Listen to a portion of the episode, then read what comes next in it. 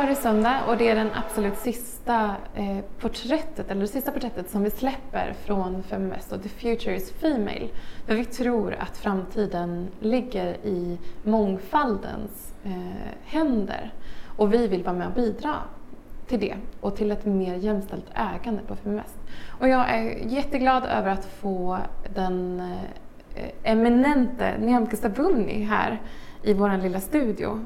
Varmt välkommen till Feminvest. Tack. Mycket trevligt att vara här. Ja. Mm. Eh, du har ju en väldigt spännande bakgrund eh, och föddes i Burundi, har jobbat eh, med integrationsfrågor nationellt. Du har även jobbat med jämställdheten för vårt land, mm. hur vi ska kunna bli bättre. Vi har ju kommit långt i Sverige ändå i jämförelse med många andra länder men det finns en del kvar att göra. Hur, hur kom det sig att du har tagit de här kliven och eh, var kommer ambitionerna ifrån? För mig handlar det väldigt mycket om de erfarenheter jag eh, går igenom och det betyder att jag, jag är inte född här utan jag kom, jag var 12 år gammal.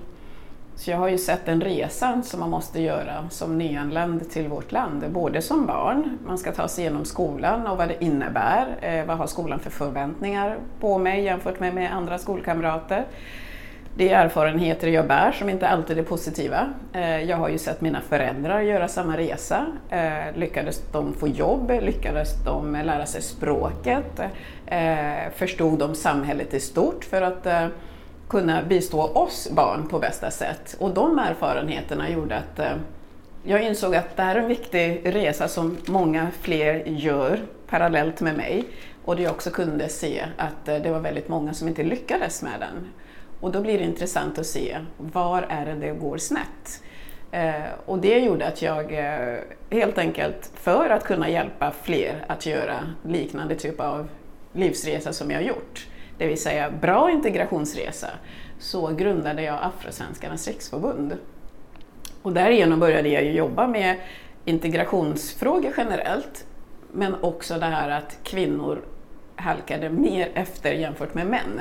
Så att då fokuserade jag också på kvinnors förutsättningar och möjligheter och kopplade in det här våldet och förtrycket som kvinnor får utstå i hederns namn. Eh, och sen den här diskriminering som man själv så, eh, som kvinna får utstå, invandrad kvinna, i samhället. Det var väldigt mycket strukturer som jag såg att man behövde göra någonting åt. Mm. Och jag brukar säga det att eh, strukturer är ju ingenting som sitter i väggarna som en del brukar säga, utan strukturer är ju faktiskt vad vi enskilda människor tycker, gör, förväntar oss, fördomar om det bygger strukturer och jag tror att genom dialog och ibland också lagstiftning och andra typer av investeringar så kan vi komma till rätta med de här problemen. Mm. Hur såg då själva resan ut när du kom hit som 12-åring? Min pappa hade varit på flykt i Tanzania ehm, och där hann då regimen ikapp honom ehm, och ehm, i den processen så kom han i kontakt med Amnesty International eh, som då hjälpte honom att ansöka i något europeiskt land som var beredd att ta emot honom. Eh, och han ville ju då komma till ett fransktalande land eftersom vi är från Kongo och Burundi talar franska. Och då frågade man Belgien, man frågade Frankrike, man frågade också Kanada, Quebec. Men inget av de här länderna kunde ta emot honom så snabbt som det behövdes, för det här var akut. Då, då var det Sverige som sa det att eh, vi har plats för honom, han är välkommen hit. Så han hamnade här utan att ha valt det. Eh, men å andra sidan så hade han en kusin boende här som hade bott här ett antal år tidigare som också hade då flytt från eh, hemlandet eh, av politiska skäl. Så, ja, så kom vi. Så han kom 1980 under hösten och vi kom 81, mamma då, jag och mina syskon, på våren. Och för mig var det bara en fantastisk resa, för jag har alltid varit pappas flicka och han hade suttit i fängelset, han hade varit borta ett antal år i Tanzania på flykt, jag hade inte fått träffa honom på jättelänge, så att resan till Sverige var inte så mycket att jag lämnade någonting, utan jag var på väg till någonting. Och det, det är en positiv eh, upplevelse för mig. Mm. Eh, och jag, jag, tänker att det kanske är någonting som har präglat dig även framgent, att du har en, ja men du tror att du kan. Liksom. Eh, vad betyder då det här, ni bodde i Kungsängen en period, har, har du någon speciell eh, känsla eller liksom, till det stället? Ja, jag är en person som rotar mig väldigt eh, snabbt skulle jag säga. Eh, när jag väl har bestämt att jag ska, eller nu bestämde våra föräldrar att vi ska bo där, då blir det mitt hem. Så jag tänker för mig själv, mentalt kan jag tänka då, eller intellektuellt kan jag tänka, ja men jag har mina rötter i Kongo, Burundi. Där är jag född, där har jag eh, mor och farföräldrar, släktingar och så vidare. Men känslomässigt så är mina rötter i Kungsängen. Eh, frågar man var vill du bli begravd? så är det Kungsängen. Mm. Eh, det är där historien börjar i mitt nya hemland, det är där den också får sluta, eh, är min tanke. Och, och jag älskar Kungsängen på alla sätt och vis och jag älskar Sverige på alla sätt och vis. Men hemligheten är också det att jag har väldigt, eh, eller jag har aldrig lyckats klippa bort navelsträngen till min familj, till mina föräldrar. Så att jag kan också säga det att där mina föräldrar finns och där stor del av, mina, av min syskonskara finns, där är jag hemma. Mm. Så att därför blir Sverige mitt hemland. Eh, jag har jättesvårt att föreställa mig att bo utomlands och vara jättelångt bort från min familj. Så, mm. så Kungsängen betyder jättemycket. Mm. Jag tänker, alltså dina karriärsval, eller de besluten du fattat, har ju varit, du har startat organisationer, det var liksom ett, på ett sätt ett, ett engagemang av egna upplevelser som du har haft, att du har velat liksom förändra, eh, upplever man. Har du någon gång funderat på företagande? Jag testar på allt. Jag testar också på att starta företag. Ja. Eller jag, jag, köpte faktiskt. Eh, jag eh, växte upp som idrottstjej, eh, dansade väldigt mycket eh, och eh, gick på Lasse Kühlers bland annat. Eh, och sen efter gymnasiet så utbildade jag mig till massör också. Alltid varit intresserad av hur kroppen fungerar. Så jag tränade basket, jag tränade dans, jag utbildade mig till massör, jag utbildade mig till workout-instruktör. Och sen ville jag ju få ihop någonting kring det här, liksom, ja, vara företagare. Eh, och då var det faktiskt på Lützengatan på Östermalm här, Karlaplan, så var det ett solarium, eh, solstudio som skulle säljas som jag köpte. Så jag kombinerade solarium med de andra egenskaper som jag hade lärt mig. Eh, massör, workoutinstruktör, tränare liksom. Mm. Så att det är min korta företagskarriär. Mm. Det blev kanske tre, fyra år. Men sen insåg jag att jag behövde jobba mer med mitt huvud snarare än med händer och kropp. Liksom. Eh, så det Också en viktig lärdom. Ja, men jätteviktig lärdom. Så jag har grundat organisationer, jag har eh, försökt driva företag och jag lär mig, jag är nyfiken och sen vet jag vad jag är bra på och inte bra på. Nu vet jag att jag är en intraprenör, det vill säga jag är en sån person som gärna går in i ett företag och så utvecklar någonting inom ramen för företaget. Men jag tycker inte att jag är bra på att vara entreprenör, det vill säga starta någonting nytt, få det att växa. Men det skulle jag älska att göra, en sån resa tillsammans med någon som kan. Mm. Det skulle vara helt fantastiskt. Mm. Jag tänker mig också just i politiska sammanhang och sådär så är processen ofta lite längre, även om vi har sett väldigt snabba processer nu under våren. Eh, så där är ju en, en, liten, en liten skillnad ändå i hur man Absolut, och det upplevde jag inte minst när jag satt i koncernledningen på OF. Eh, då bär man ju ansvar för liksom företagsutveckling, nya marknader, investeringar, förvärv och vad det nu är. Ehm, och det är klart att, och då inser man att här fattar vi beslut och så genomför vi dem. Och i ett företag, oavsett egentligen hur stort det är, så är det tillräckligt hanterbart att följa hela processen och korrigera under vägen. Mm. Går det fel så är det bara lätt att ta tillbaka, ta ett steg tillbaka, gör om, gör annorlunda och så fortsätt igen. I politiken så blir det väldigt mycket svårare. Det är långa ledtider. När man väl har fått en lagstiftning på plats har man en vision vad den här lagen ska göra. Men sen i genomförandet, då är det andra som gör. Mm. Så blir det inte som man tänkte sig. Mm. Och det tycker jag är frustrerande. Mm. Eh, så att, eh, men det är bara att acceptera det. Men jag inser att jag har ju alltid velat göra nytta oavsett var jag är, om det är ett litet företag, om det är organisation, om det är politik. jag vill alltid känna och känner alltid att jag gör det här för att jag vill göra nytta för någon annan. Jag vill göra nytta för samhället. Mm. Eh, det är min drivkraft. Mm. Och du har haft två ledande positioner politiskt, både när det kommer till integration och till jämställdhet. Och jag förstår att, att sammanfatta just de jämställdhetsåren i en, liksom en, en kort paragraf kanske är svårt och utmanande. Men vad säger du om liksom svensk jämställdhet och vad, vad kan vi göra för att förbättra den? Jag är, jag, jag är liberal och, och, och, och själ och hjärta och min inställning är att jämställdhet, jämlikhet, det når man genom att ta bort hinder. Och Sverige har ju varit duktiga. Vi är en av de duktigaste länder i världen på att ha avskaffat hinder som gör skillnad mellan män och kvinnor.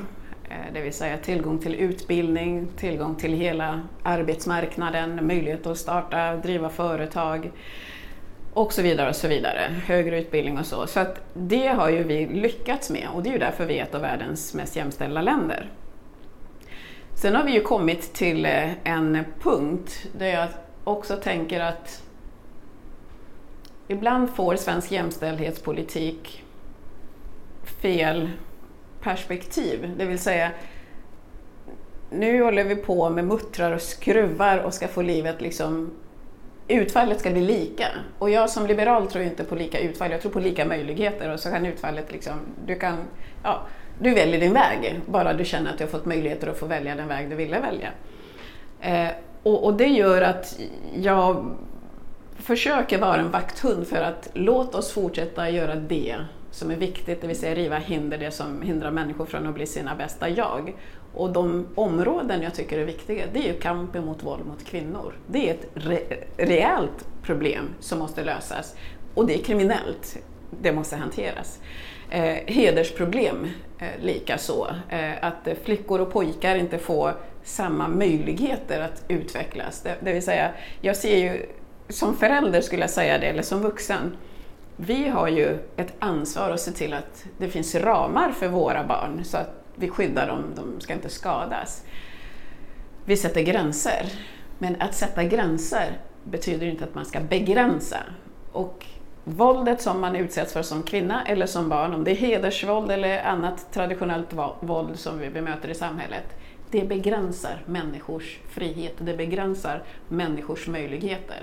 Och det är där jag vill sätta fokus på den svenska jämställdhetspolitiken. Gör saker på riktigt. Så mm. när många pratar om bolagsstyrelser, som jag tycker är jätteviktigt, det är klart att kvinnor ska sitta i bolagsstyrelser, så tänker jag så här, måste vi verkligen använda lagen och kvotera till bolagsstyrelse? Mm, kanske inte. Mm.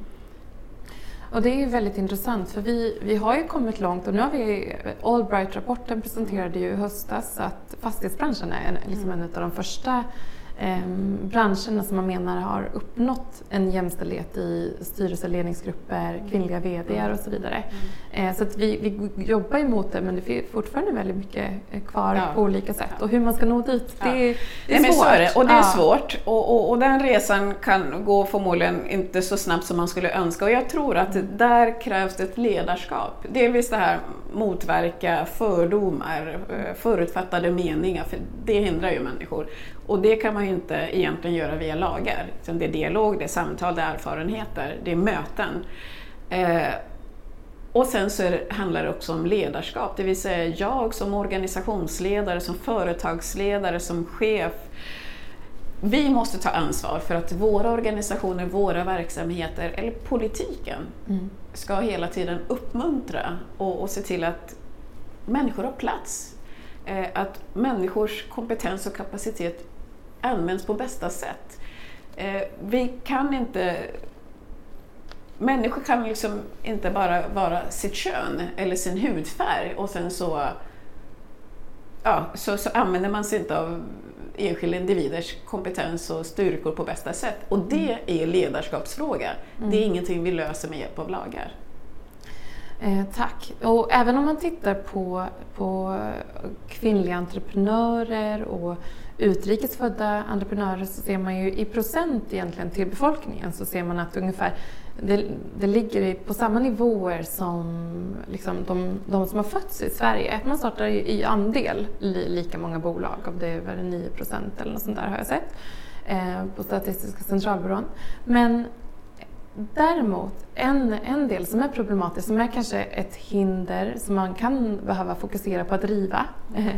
det är ju utrikesfödda kvinnor som har, eh, möter problem med att här, bygga verksamheter i mm. Sverige. Mm. Och det kan vara finansiering eh, på olika sätt. Vad tänker du, vad tänker du om det? Mm.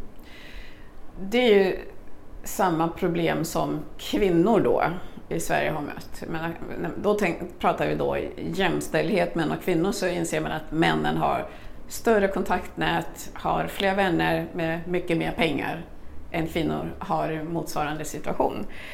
Och då tänker jag att eh, vi har ju jobbat väldigt mycket, inte minst Allbright, med att försöka se till att män och kvinnor ska umgås i ungefär samma nätverk. Att eh, investerare, vilket oftast är män med mycket mer pengar, ska försöka förstå de verksamheter där kvinnor är verksamma.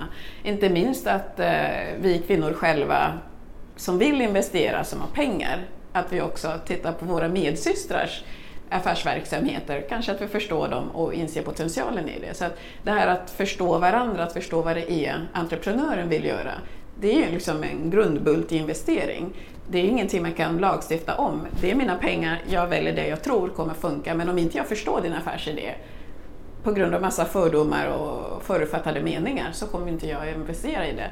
Och det drabbar ju nu personer med invandrarbakgrund eller framförallt då kvinnor med invandrarbakgrund som jag menar förmodligen har för få nätverk, eh, känner inte rätt folk, kommer inte åt de här pengarna som finns och kanske också att av kulturellt, språkligt, de menar liksom hur man liksom beskriver sin verksamhet och vad det är man vill åstadkomma kanske inte når fram mm. eh, när man ska beskriva om sin vision. Eh, och där menar jag att nätverk, nätverk, nätverk och att man söker sig till folk som har den kompetens man tror sig behöva. Mm. Och jag tänker verkligen att, och det här är säkert inte unikt för svenskar, men jag möter, ringer jag någon, ringer du någon och säger att jag har det här behovet, jag skulle vilja prata med dig för jag hörde dig prata på den konferensen, jag såg det i det inslaget i TV. Så lovar jag dig, nio gånger av tio så kommer de säga absolut, mm. vi träffas. Mm. Så att det handlar så om att fokusera. ta initiativ, sök mm. hjälp där den finns, lokalisera pengar där de finns, prata, prata, prata, få folk att hjälpa dig att utveckla också din tanke och mm. idé. En av de områden som spinner vidare på det, det är just att Sök kontakt, du som vill ta in riskkapital exempelvis, sök kontakt med de som har gjort det. Ja. Eh, och så här, vad var det som fick liksom, eh, dig att, vad, vad tror du investerare gillade och så där. Så det är jättebra. Och det ska man tips. säga, det är ju ingen som får investeringar enkelt. Mm. Det är inte så att det sitter folk med hur mycket pengar som helst och bara okej, okay, du behöver några hundratusen, du behöver några miljoner, visst det blir bra, vi får se. Lyckas det så är det bra, misslyckas det så, gör det, så är det ju inte. Mm alla har svårt att få investeringar. Det som underlättar är att man åtminstone vet vilka man ska prata med. Mm. Om man inte vet vilka man ska prata med så blir det ännu svårare. Då får man ju hänvisa till Almi, med offentliga pengar finns det del av, men de är ju inte av den dignitet som de privata pengarna och där är ju konkurrensen stor mm. Eh, och dessutom är ju summorna mycket mindre.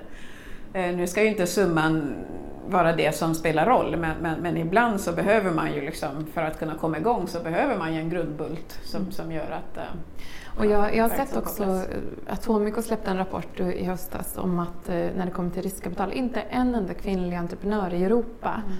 Fick en investering på över 100 miljoner. Alltså inte en co-founder, inte medgrundare, utan det är bara manliga entreprenörer. Så att, men med tiden, vi hoppas att de bolagen som startas nu, att det med hjälp av den liksom, kunskapen och vad vi, medvetenheten som vi har om att vi måste kanske tänka annorlunda när vi approcherar de här kvinnliga entreprenörerna som söker riskkapital, så att det kan bidra till något positivt.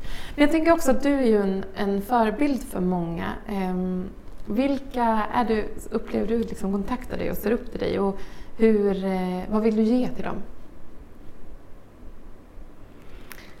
Eh, ja, jag kontaktas av massa olika typer av människor. Ehm, vad jag ger till dem är egentligen bara tankar hur jag själv har gjort. Eh, jag berättar också hur dålig jag varit på andra saker. Jag pratar mycket om nätverk och mycket om att be om hjälp och ringa och söka upp.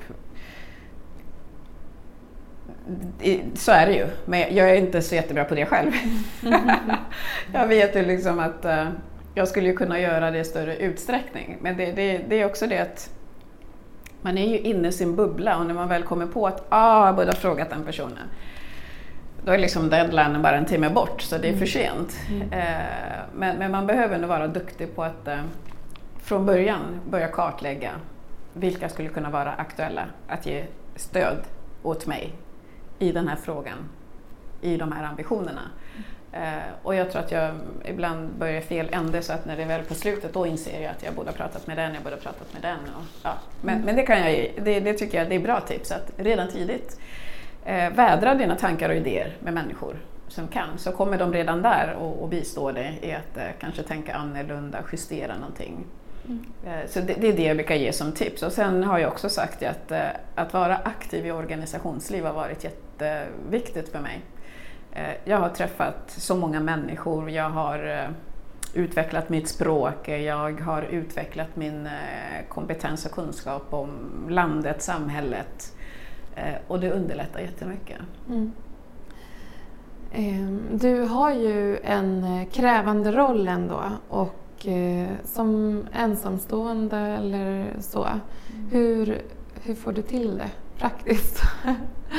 Tips från en vän. Ja. Eller fråga åt en vän, säger man. Ja, fråga åt en vän.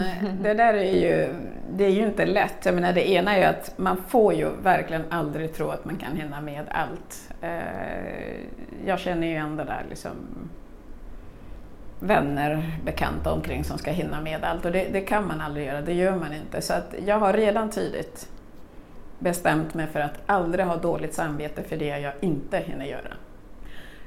Bra. Man måste alltid göra sitt val. Ehm, och i det här arbetet så händer det jättemycket. Kalendern är alltid fylld och den är fylld många veckor i förväg. Och det är klart, när lördagen, söndag kommer och man inser att ja, jag ska vara ute och resa den här dagen. Inte alltid roligt. Men å andra sidan så påminner jag mig om att jag gjorde det här valet för att det här var viktigt. Och då gör jag det. Då har inte jag dåligt samvete för att åh, jag kunde ha haft några timmar extra med mina barn. Nu får det vara så. Eh, nästa gång får jag tänka på att nej, men den där söndagen får jag nog inte boka bort för att jag vill nog ha tid med mina barn. Så jag, jag, har varit duktig på att inte ha dåligt samvete för det jag inte gör, för då, då tror jag att då, då, orkar man inte. Och sen är det det här, vill man göra allt, då kommer man sova mindre. Mm. Någonstans måste, liksom, måste man ju offra något. Eh, nu sover inte jag tillräckligt mycket som jag skulle önska. Jag är en morgontrött person. Jag, skulle, jag är uppe sent på nätterna. Och så vill jag sova på morgonen, men det går inte. Då ska man ju upp, då börjar ju alla andra jobba. Eh, så att, eh, men för den som ändå uppskattar att sova så skulle jag säga, ja, ta bort lite umgänge och annat så att du hinner sova. Mm. Eh, om inte du tar bort någonting mycket. så kommer du sova mindre och sover du mindre så är det inte säkert att du klarar av jobbet. Mm. Um, om man då tittar på liksom, Sverige idag så ser man att det, det sker en förändring i, i löner. Att kvinnor med jämförbara yrken som män får i högre utsträckning en lika, lika ingångslön och det är studier från mm. Oxford och, och Cambridge bland annat. Men det händer någonting när man får barn. Mm. Vad tänker du om det? Mm. Jag tänker, varför måste kvinnor alltid vilja vara hemma längst? Och jag säger vilja vara hemma längst, för jag vägrar ändå säga eller tro, tycka att vi som upplysta, medvetna kvinnor låter våra män tala om för oss att det är vi som ska vara hemma. Är du hemma så har du valt att vara hemma. Mm. Vill du inte vara hemma så delar du på föräldraledigheten. Man är två om att vara förälder. Så det är min inställning. Eh, och, och, och, det är klart att när barnen kommer så ser man de här skillnaderna i, i lönekuverten. Men sen är det väl också det att eh, killar verkar ju vara lite bättre på att förhandla om sina löner. Men jag tror också att det finns en eh, förutfattad mening hos våra arbetsgivare och där mötte jag eh, ett av de första jobben jag hade. Då fick en manlig kollega som gjorde precis samma jobb som jag, vi var projektledare, lite bättre lön och jag frågade varför? Ja, för att han har en familj att försörja. Jag menar, vi gör det här jobbet, vi, vi gör precis samma sak. Det är ju inte mitt problem att han har en familj, det vill säga en partner och barn.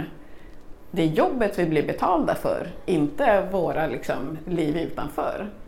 Men det kanske också finns där att männen får lite högre lön för att de ska vara någon typ av family provider. Mm.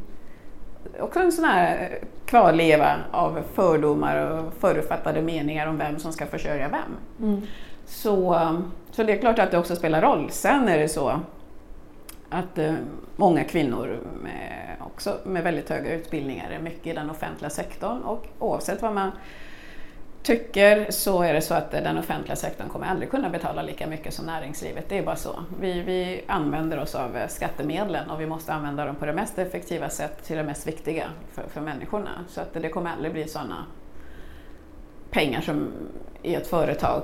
Ju mer företaget växer desto mer pengar. Här är liksom ju mer av den offentliga verksamheten växer desto mindre pengar liksom, eh, att ge i löner. Så, att, eh, så det gör ju också att kvinnor halkar lite efter i lönenivåerna. Mm.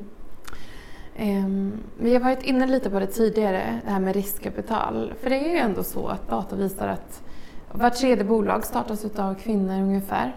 Uh, och därefter, ja absolut, det finns ett naturligt bortfall i vilken typ av bolag vi, vi kanske startar någon konsultverksamhet i våra timmar. Det är svårt att skala upp en sån typ av verksamhet. Vi startar i högre utsträckning enskilda firmor mm. exempelvis. Eh, men ändå, vad, vad, kan man göra kanske ytterligare för att säkerställa att kvinnliga entreprenörer eh, får kapital? Vi har pratat lite om nätverkande som en viktig del. Mm. Mm. Det, det ena är väl att jag tänker också att delvis kanske vi också, men den erfarenhet vi har av att det är svårt att komma åt kapital, så begränsar vi oss själva i vår vision om vad vi vill åstadkomma. Så att vi liksom, ja men det är bättre att börja smått för att det här stora kommer jag ändå inte få någon som vill investera i. Och, och så begränsar man sig i det. Eh, men, men, men, men, jag tror att man måste tänka stort och sen är det så att eh, vi har ju offentliga verksamheter som har öppnats upp för eh, för företagande, eh, skola, vård och omsorg. Eh, och där jobbar många kvinnor, högutbildade kvinnor och kvinnor som är drivna och kvinnor som vill framåt och skapa någonting själva. Och de branscherna, där måste ju kännas tryggt att det går att bedriva sin verksamhet utan att man hela tiden känner hot från politiken att när som helst kommer man kunna stänga. Det vill säga de manliga företag som hanterar sophämtning i vårt samhälle, de betalas av skattemedlen. Det är ingen som någonsin hotar med att nu ska vi ha kommunala sophanteringsbolag och så får ni privata inte finnas, utan vi upphandlar ju det där. Men de kvinnor som bedriver verksamhet inom offentlig sektor, de ska ju hela tiden känna att när som helst så kan det bli stopp på det där. Så där finns ju också ett politiskt eh, ansvar att se till att eh, vi som politiker och beställare måste ju bli bättre på att beställa kvalitet. Mm. Så idag går vi på pris, vi betalar minimalt och när vi har betalat minimalt så kanske verksamheten inte är det bästa och när verksamheten då inte är det bästa, ja, är det privat, då vill vi stänga igen och säga det är de giriga entreprenörer som gör det här. Mm. Medan när den kommunala verksamheten går lika dåligt och lika stora brister, ja då är det inte så mycket att göra åt. Då finns det kvar där. Så, så jag tänker att eh, där kvinnor kan och vill bedriva sina verksamheter, där ska vi försöka se till att de har bra eh, förutsättningar att göra. Och sen så ska jag säga det att eh, nu har vi fler och fler kvinnor med pengar och fler och fler kvinnor som investerar. Låt också kvinnor som kvinnliga entreprenörer våga mer. Liksom, satsa på att få mm. över de där hundra miljonerna. Eh, lita på att det kommer att gå. Mm. Eh, och det tänker jag, alltså förebilder, kunskap kanske vi behöver i högre utsträckning för att känna oss trygga och, men också och medvetenhet om att det ser ut som det gör idag mm. eh, och att man då kan vara, man kan liksom ställa krav på ett annat sätt ja. eh, och ligga på och ja. sen nätverka. Ja. Och det här har ju varit en fråga på tapeten så länge nu så nu är ju många investerare, såväl män som kvinnor, medvetna om det här problemet. Så jag tror och hoppas verkligen att mentaliteten förändras också, att flera män ändå är villiga att sitta och lyssna lite extra noga och kanske försöka se möjligheter istället för att se bristerna i det den hör. För också en investerare kan ju hjälpa och bistå mm. en entreprenör med att tänka rätt. Eh, så, ja. Mm. Vad vill du bli ihågkommen för? Stor, stor fråga. Ja, väldigt stor och känns eh, konstig nästan omöjlig att besvara i det här skedet i livet. Mm.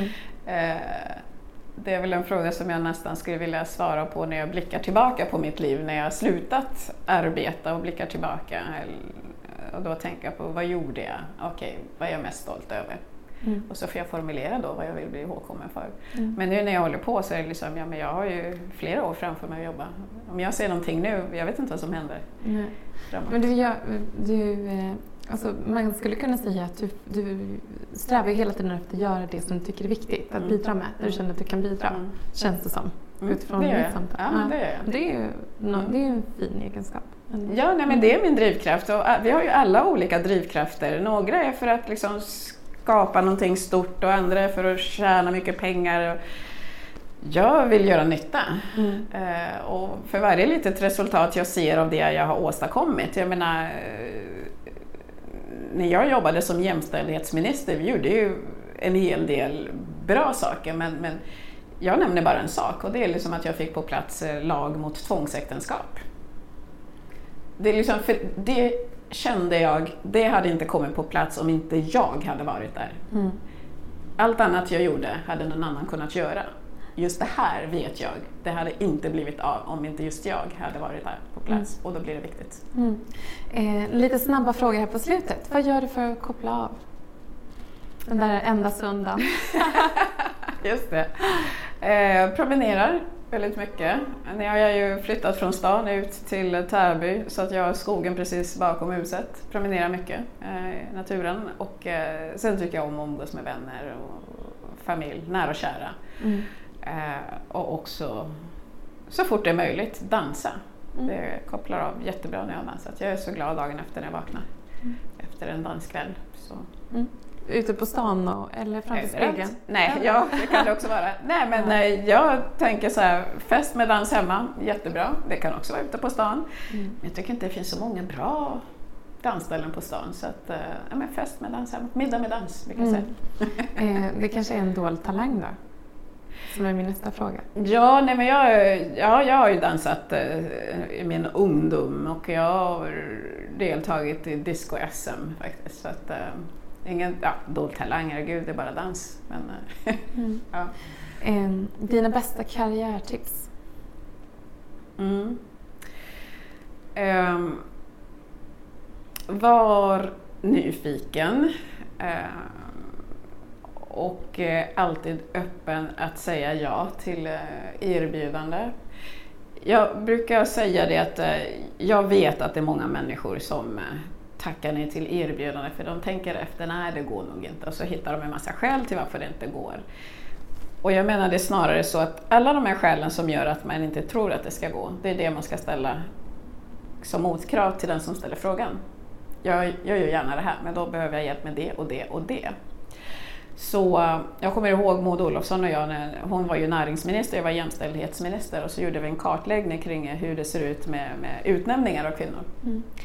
Och när vi gick igenom det där så var det 70 procent av de tillfrågade kvinnorna hade tackat nej. Och det var ju många olika skäl. Mm. Säga, men berätta då, vad är det vi behöver göra för att du ska klara det? För det handlar inte om att du inte har kompetens. Vi hade inte frågat om inte vi trodde att du hade kompetens. Det kan jag säga till alla kvinnor. Mm. Det är ingen som frågar om ett uppdrag eller ett jobb om de inte vet att du har den kompetensen. Den lyxen har vi inte. Mm. Så om du får frågan och känner att det finns andra hinder vid sidan av, berätta då vad det är för hinder som du då måste få åtgärda för att göra det här jobbet på bästa sätt. Så det, det, det tycker jag är liksom ett tips för karriären. Och sen gör alltid jobbet där du är på ett bra sätt, det vill säga var närvarande. Jag, jag känner framförallt många yngre människor, det är inte bara tjejer utan killar och tjejer, unga, som redan är tio år framåt. Om tio år då har jag nått den där positionen istället för att bara bra här. Mm. Och sen så kommer möjligheterna komma för att det här har du gjort bra. Så att var närvarande och ja. gör det bra. Ja. Eh, också Jättebra. Ja. Eh, två sista frågor. Ja, nu eh, jag ens tio, de är två år framåt. Ja. Om två år är den där ja, ehm, jag, har, jag har gått igenom en skilsmässa och du har också gjort det. Och för mig, att jag bodde i London vid den, tillfäll, vid den tidpunkten. Jag, kunde, jag hade en ekonomisk buffert mm. som gjorde att jag kunde jag hade inte reflekterat över innan. Ja. För mig hamnade i den situationen, det var ett snabbt avslut. Jag kunde hyra en lägenhet i London för mig själv mm. parallellt som jag var tvungen att betala hyra till den andra. Och den situationen, det är en dyr stad, mm. eh, fick mig att så här uppskatta att jag satt i den situationen. Mm. Eh, har du nog själv någon reflektion av den, den upplevelse som du hade genom att ja, separera mm, och, och mm. gå vidare? Nej, men jag var väl lika privilegierad som du att jag också hade pengar. Eh, så att, eh, jag tror att ja, pengar är nog ett ganska förekommande skäl till att man finns kvar i förhållande äktenskap som egentligen inte fungerar. Eh, och då är frågan, hur ser man till att man har dessa pengar? har man en hög lön så spelar det ingen roll, då har man ju sin lön och så kan man alltid skilja sig så och klara sig. Men, men jag funderade på det här att räkna på de utgifterna man har tillsammans.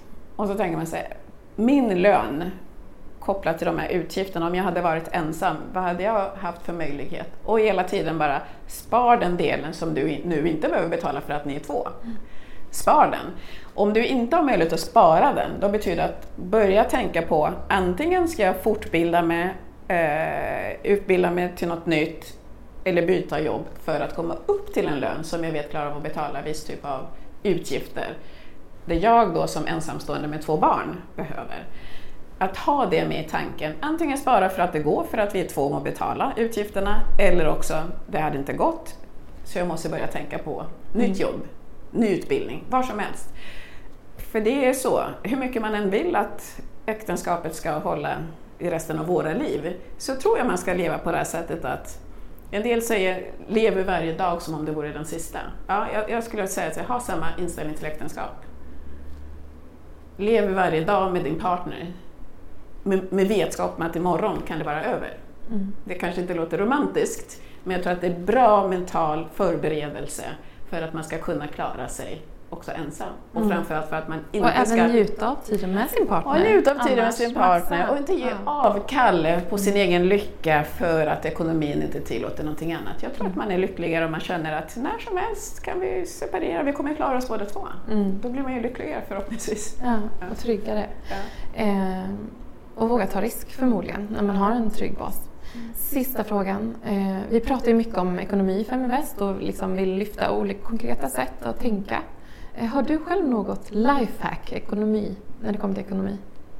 Vad är lifehack? Lifehack, det är liksom ett, eh, eh, vad ska man säga, ett, ett bra tips för att liksom, ja, men jag kanske jag väljer att skippa kaffen för att liksom kunna spara i aktier eller jag mm.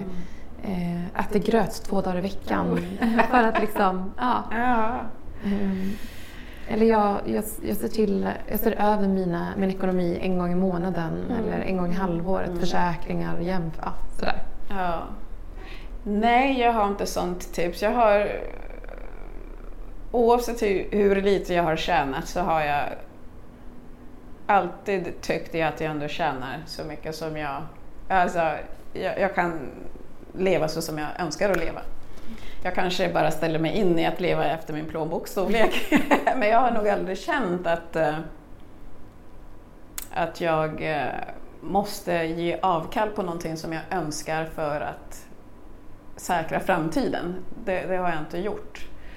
Eh, men jag inser ju, ju så här nu för tiden, sedan ja, många år tillbaka med, med relativt hög lön som jag har, så äter jag ju ute mycket mer. Alltså jag är ute med vänner ganska ofta. Eh, och man beställer det man vill och man dricker det man vill och så vidare. Så där kan man, skulle jag säga, om jag skulle behöva hålla ner utgifter, ja, så är det ju lätt att bara äta hemma. Mm. Det är det första jag skulle göra. Eh, men då har man ju kommit upp till lönenivå där liksom äta hemma är ju inte dåligt. Eh, men, men jag har inga bra tips eh, på mm. vad man inte ska göra. Mm. Ha en privatchaufför kanske, eller Säpo. Säpo-bil, det är jättebra för då behöver man inte betala taxi. Exakt. eh, superhärligt att ha dig här och tack för att ni har följt oss under den här veckan och jag gör som Skavlan, tänker jag.